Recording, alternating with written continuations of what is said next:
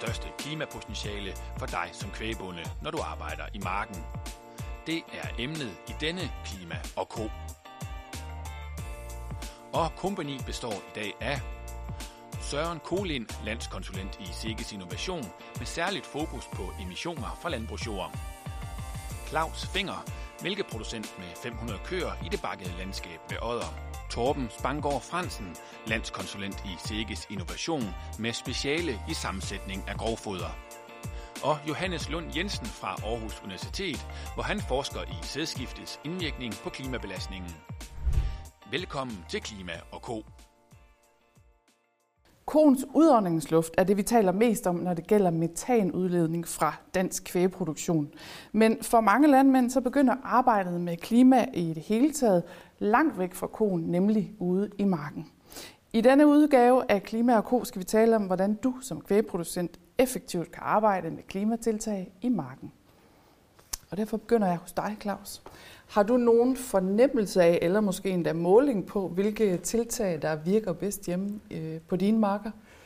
Jeg har ikke nogen målinger, men øh, jeg har en klar fornemmelse af, jo mere øh, foder øh, jeg kan producere hjemmeavl til mine dyr, øh, jo bedre gør jeg det, sådan øh, målt på, på mælkens side i hvert fald. Øh, så gør vi jo en masse ting, øh, gradueret gødning og, og øh, GPS-styring osv. for at optimere vores vores input per, på, på, på markniveau men, øh, øh og på, på hektar. Men, øh, men øh, det er nok også, det er der, hvor jeg er lige nu som øh, øh, kvægbunde øh, og, og, øh, og, og foderproducent.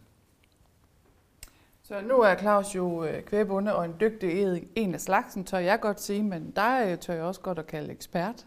Så øh, hvis du skulle komme med et godt råd til Claus og hans mange gode kolleger, hvor de skulle starte i forhold til, hvad der virkelig batter noget i forhold til klima, hvad, hvad vil du så sige? Jamen, når man skal se på, hvad der virkelig batter noget, så, så skal vi altid skelne mellem de organogene lavbundsjord, altså de kulstofrie lavbundsjord, som lige er, er, er en særlig ting for sig, fordi der er, er udledningerne af drivhusgasser meget større end på den almindelige landbrugsjord. Men når vi taler om den almindelige landbrugsjord, så er jeg fuldstændig enig med lige de to ting, Claus han nævner. Og så er det udbytte, og så er det kvælstofudnyttelse.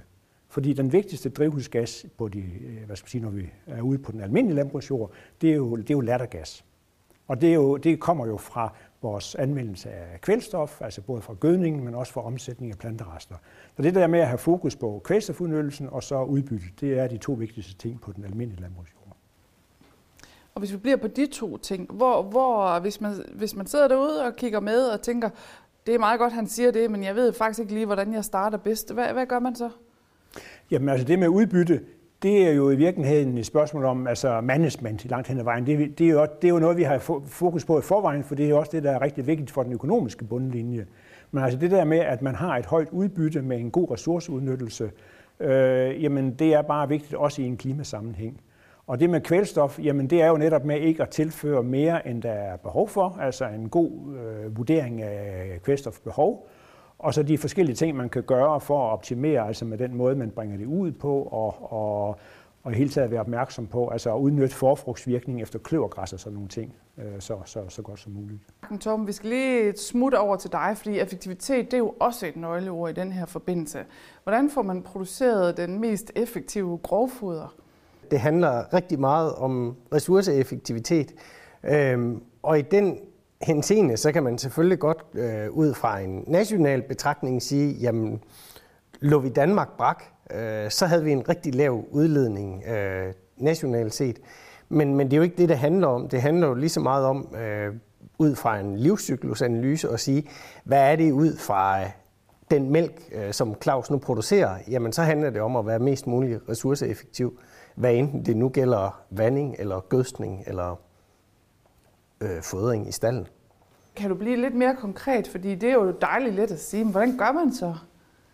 Hvis vi tager øh, landmandens briller på og snakker øh, eksempelvis de store poster, som er produktion af majsinsilage og produktion af græsinsilage, jamen øh, langt størstedelen af vores græsinsilage, det bliver dyrket som klogræs, og der handler det jo om at have en rigtig høj kloverandel, fordi den fixerer kvælstoffet gratis for os, og så skal vi ikke ud og bruge handelsgødning.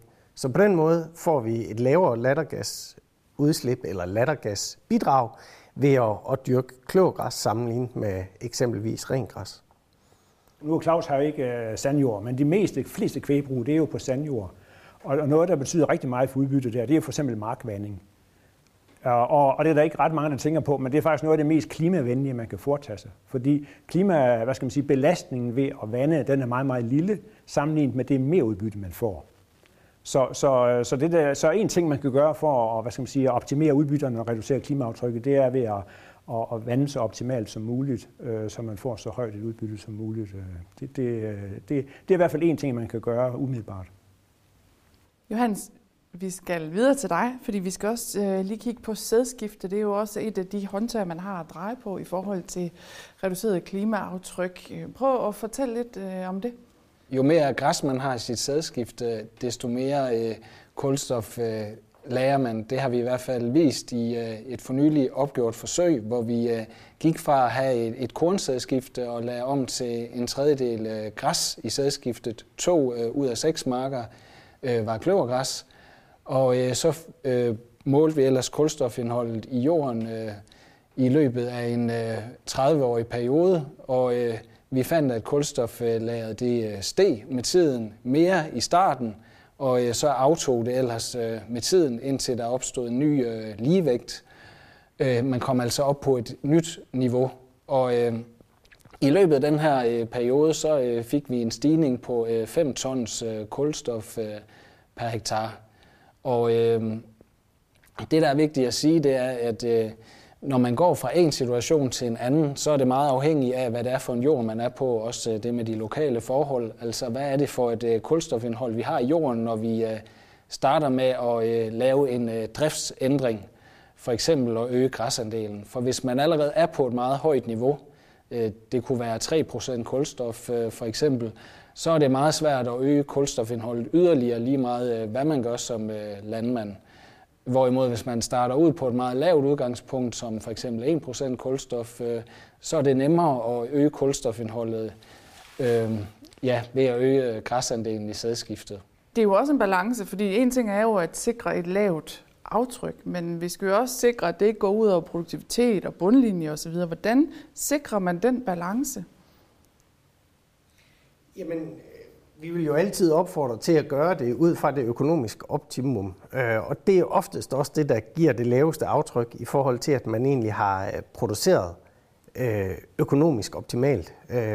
Alt andet lige, så oftest så går det jo hånd i hånd i forhold til, at en høj produktivitet også giver en høj effektivitet og dermed et lavt aftryk. Så alt det, vi kalder godt landmandskab, hvad enten det gælder om at reducere tab eller højne sine udbytter, jamen så taler det alt sammen i retning af et lavere aftryk.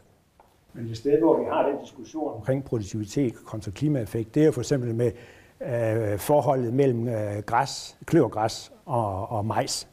Ikke? Fordi vi har jo med kløvergræsset, som, som har den der evne til at lære kulstof i jorden. Og det tæller, kan jo tælle ganske meget. Øh, men der er det jo så vigtigt, at man ser på den, det samlede klimaaftryk ved produktionen. Altså også de andre drivhusgasser, og så netop også i forhold til udbyttet. Så, så nogle gange siger man, jamen, skal vi bare have mere kløvergræs? Jamen jo ikke nødvendigvis, fordi, fordi det afhænger jo af, det, af, det, af, af den samlede produktivitet. Og der er det jo typisk sådan, at, at vi har højere udbytter i majs end i kløvergræs, så det, det trækker jo i den anden retning. Så det der med at få jer til at svare på, om det egentlig er bedst at have græs eller majs i forhold til klimaaftryk, det er ikke helt så simpelt, eller hvordan? Det er jo en balance, og det afhænger af, af udbytteforholdet mellem kløvergræs og majs. Altså på mange kvægbrug, sådan i gennemsnitsbetragtning, så er der vel 2-3.000 foranheder i forskel typisk, altså til, til, i majsens favør, ikke også? Og det, og det trækker jo i den retning. Men til gengæld så har vi jo i kløvergræsset, der har vi jo så noget, noget, noget, noget kulstoflæring, som, som vi ikke har i, uh, i majsen. Claus, når du nu mødes med gutterne i ERFA-gruppen og lige måske deler en forsigtig øl, står I så lige og taler om CO2-ekvivalenter, og, eller hvad? Er det bare alle, der er helt hjemme i det? altså, øh, Øh, Øh, jeg tror nok, når vi når til der, hvor vi skal have en øl, så tror jeg, man bliver bedt om at lade være med at tale om klima, for det kan godt samtidig være lidt tungt jo. Men, men øh, nej, det, altså klima fylder jo rigtig meget, og, øh, og bæredygtighedsdebatten gør jo, og så vi, vi, øh, det fylder øh, helt vildt meget af vores hverdag, også i vores øh, netværksgrupper osv. Og, og, og i forhold til at, at at se nogle, noget mere potentiale og, og, øh, og udvikle det, når vi snakker sædeskifte, jamen, så kunne vi jo næsten have gjort de undersøgelser, som I så har dokumenteret øh, nu med øjnene, vi har traditionelt ude ved os haft øh, vores græs på lavbundsarealer. Og øh, kvæg vi har fundet flere køer, jamen, så er de så kommet op på de høje lærede arealer også. Og hvis der var noget af de lærbakker, de havde godt af, så var det godt nok at slippe af med noget korn øh, år efter år. Fordi da græsset det kom med derpå, så øh, er de blevet helt anderledes at arbejde med. Øh, jorden er blevet øh, en anden, øh, og, og væksten og, og, øh, Øh, og muligheden for at placere en kornafgrøde eller noget raps indimellem der er, er eminent nu. Øh, så, øh, så jeg tror samtidig, at man øh, øh skal huske at bryde de her øh, øh, mønstre, som man øh, godt kan indarbejde lidt i en bedrift en gang imellem. Men det kan jeg anerkende jeg fuldt ud, og det kan være svært øh, i, sin, i sin planlægning og sin, sit management, fordi det er management, der, der rykker noget, fordi det er management, der bringer øh, udbytte og ydelsen fremad tilføje noget til det? det? Jeg synes, det er rigtig spændende, at, øh, at du ser det, når du flytter øh, græs op på, på den her lidt mere lerede jord med ensidig korn, fordi det er også det, vi, vi generelt ser. Øh, jeg har arbejdet meget med, med jordfrugtbarhed og struktur og måle det, og der ser vi også en, en meget stor effekt på jordens strukturstabilitet, evne til at modstå både mekanisk øh, Øh, forstyrrelse ved jordbearbejdning, øh, men også øh, ved, ved regndråber, der falder ned på en, en bar jord. Øh, der opnår vi en bedre styrke, fordi at øh, det, der sker, når man omlægger til græs, det er, at øh, vi har en øh, produktion øh, i over meget længere tid, fordi øh, den er flereårig i afgrøden, og øh, vi ser også øh, et, et, øh, et rodnet, der får lov til at udvikle sig uden forstyrrelse, så det øger også stabiliteten af, af jordens aggregater simpelthen. Øh, så øh, det giver god mening. Søren, vi skal lige tilbage til dig, fordi nu talte du om det, du kaldte almindelige landbrugsjord tidligere. Så er der også de her organogene lavbundsjord, som jo udgør 6% af det samlede areal, men 34% af det samlede klimaaftryk. Så øh, det er vi nødt til at forholde os til. Øh, hvad, hvad gør Jamen vi lige det, der? Det er jo en kæmpe udfordring, jo ikke kun for kvægbruget, men for, for hele landbruget, at, at, at vi har de der 6 procent areal, der udgør 34 procent af, af det samlede klimaaftryk for markbruget. Ikke også? Det, det øh, altså 10-20 gange større udledninger per hektar end fra almindelig landbrugsjord. Og, og, og, og, og så er der jo faktisk en ret stor andel af det, det ligger jo på kvægbrugen, ikke? fordi dem, der kan udnytte det, så de, ligesom, de er havnet der. Og der er mange kvægfolk jo i en dilemma, ikke? fordi det jo faktisk er nogle attraktive arealer at dyrke. Men det er rigtig svært at, at, at, at, at gøre noget ved de der emissioner. Der er faktisk kun én ting, og det er at tage dem ud af drift og sætte dem under vand. Men nu sagde du jo lige, Claus, at det er jo faktisk der, du har høstet de største udbytter. Så jeg kunne også forestille mig, at det er et dilemma for dig jo. Jamen det er det bestemt øh, i mange henseende, øh, fordi det, det er fuldstændig rigtigt. Øh, jeg, jeg tror, det, det er langt over halvdelen af den danske sårbundsjord, der, der er ejet af, af kvæbønder. Og det er, fordi vi kan udnytte det, vi kan bruge det til noget. Øh, den jord har ingen værdi for min nabo, der er plantavler. Øh, men den har en rigtig høj værdi for os. Øh, græsset, det er, vi havde tørke her i forsommeren, og øh, øh på de høje jord, de blev fuldstændig gule efter første slet, og var ingen vækster. Og lavbundsjorden, den øh, reducerede op væksten, men, men den var grøn øh, stadigvæk, så da vandet det kom, så eksploderede det bare dernede, og de andre, de skulle først til at komme i gang. Øh, så, så der er, øh, øh, og det så vi også tilbage i 18, at det var ligesom det, der, der reddede vores græsudbytte, græsudbytte det år. Så, øh, så de har jo en, en værdiskabelse, og det har de jo også øh, historisk set, har der jo været stor øh, værdi omkring øh, lavbundsjorden, og det er jo derfor, man har opdyrket den Øh, historisk set.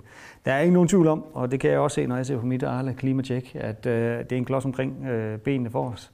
Øh, det er rigtig svært at komme ud af, fordi at det skaber værdi, og fordi for mange vedkommende er det også noget, der ligger tæt på vores ejendom. Vi har øh, den mest øh, jord, øh, staldnære øh, jord, vi har, det er faktisk lavbundsjord, den største del af det. Og øh, hvis man nu kigger ind i en fremtid, hvor måske dyrene skulle på græs, eller potentielt set skulle det, jamen så er det jo en udfordring at, at have afleveret øh, det øh, jord til noget, til noget andet. Så, så det er da svært, øh, men, øh, men ikke desto mindre, så synes jeg, at problemstillingen også, som, som Iris sætter op her, er stor nok, så, så vi er nødt til at arbejde med det positivt. Det I hvert fald, altså hvis, hvis vi landbruget på sigt skal være klimaneutralt, sågar, ikke også, så, så, så er det i hvert fald noget, man er nødt til at tage hånd om, ikke? Fordi, fordi det er så stort et bidrag derfra. Men det skal så også siges, altså, at der er meget forskel på de der øh, kulstofrige lavbundsjord, altså hvor meget de reelt udleder, og det ved vi alt for lidt om i dag. Ikke? Også, så, så, så den, den kortlægning, der er, den kan blive bedre, og derfor kan det godt være, at der er nogle af de arealer, som er kortlagt i dag, som, som noget, der, der, der er kulstoffri. som i virkeligheden ikke indeholder ret meget mere, fordi det faktisk allerede er brændt af. Ikke også? Altså, mange landmænd siger jo, at jeg, jeg pløjer jo ned til, til det rene sand, ikke også? Og, så, og, så, og så har det ikke en så stor en værdi at tage det ud alligevel. Men der er jo også stadigvæk nogen, som har et, et, et, et dybt øh, øh, hvad skal man sige, organogent lag, og, og, og dem må man nok sige, at dem, dem kan vi så ikke dyrke, hvis, hvis vi virkelig for alvor skal reducere vores klimagasudledninger. Søren, når vi nu øh, taler om tal, og vi taler om klimaaftryk, så skal vi også finde ud af en eller anden måde at måle det på. Øh, hvordan hulen gør man det på en god måde, der er til at komme til? Vi kommer jo ikke til at måle på den enkelte bedrift præcis, hvad vi har af udledninger af, af, af drivhusgasser, fordi, for det er jo noget, der foregår, hvad skal man sige, øh, diffust rundt i markerne osv., så, så, så, så, det, så det kan vi ikke. Vi er nødt til at lave beregninger. Øh, men der skal vi selvfølgelig have så godt et, et grundlag at regne på som muligt. Og, og, og det bliver der jo arbejdet meget på i det her år med at blive klogere på, hvad der egentlig sker af udledninger i forskellige situationer, og, og også selvfølgelig, hvad man har af, af muligheder for at reducere det med forskellige virkemidler. Jamen altså, vi har jo, vi har jo to forskellige typer klimaaftryk. Øh, når, når, når man snakker klima, så, så, så kan det være produktaftryk, og det er egentlig det, vi har mest har talt om nu her også. Altså, hvad er klimaaftrykket per produceret enhed? Og det er egentlig også det, der fortæller, hvor klimaeffektiv man, man er. Øh, og der indgår jo, øh, hvad skal man sige, alle de klimaemissioner, der er i hele kæden, altså også fra de hjælpestoffer, man bruger fra foder og, og, og importeret gødning. Øh, og så betyder udbyttet jo rigtig meget, fordi man netop gør det op per produceret enhed. Og så har vi jo det andet klimaaftryk, som der også tales meget om, og det er jo det nationale klimaaftryk, og det er det, som politikerne på Christiansborg interesserer sig meget for, fordi der har man ligesom nogle nationale forpligtelser, og det er jo der, man taler om at lægge en afgift på. Så, så det er noget andet end, end, end produktaftrykket. Så det skal man bare være opmærksom på, at, at i det der øh, klimaaftryk, som, som, øh, som man snakker om måske at lægge en afgift på, jamen øh, der indgår hjælpestofferne ikke, og, og udbyttet betyder sådan set heller ingenting. Så, så, så det er en anden tilgang til det. I forhold til det her med at måle aftryk, der findes jo forskellige værktøjer også. Der er blandt andet et Green Tool, vi har udviklet her i SIGES. Hvor god en hjælper er det øh, lige nu? Jo, men det er jo helt klart et af de værktøjer, man kan tage i brug, hvis man gerne vil have et billede af, hvordan ser det ud på min bedrift. Øh, og så der kan vi jo så trække nogle oplysninger ind, for eksempel fra, fra mark- og gødningsplan og så videre, og så kan vi lave nogle beregninger. Og der regner vi jo på samme måde, som man gør også i andre sammenhænge, altså sådan, at det er sammenligneligt med, med, med også den måde, man regner på, for eksempel i det nationale klimaregnskab. Og, øh, og der kan man både få en opgørelse for, hvad skal man sige, det jeg talte om før, altså en opgørelse per produkt, og man kan også få øh, en opgørelse af det, som man eventuelt en, en dag kommer til at betale afgift af, hvis, hvis det bliver indført. Det var Klima og Ko for i dag. Tusind tak til jer for at komme og være med. Vi håber, I fik noget ud af det derhjemme, og tusind tak, fordi I kiggede med.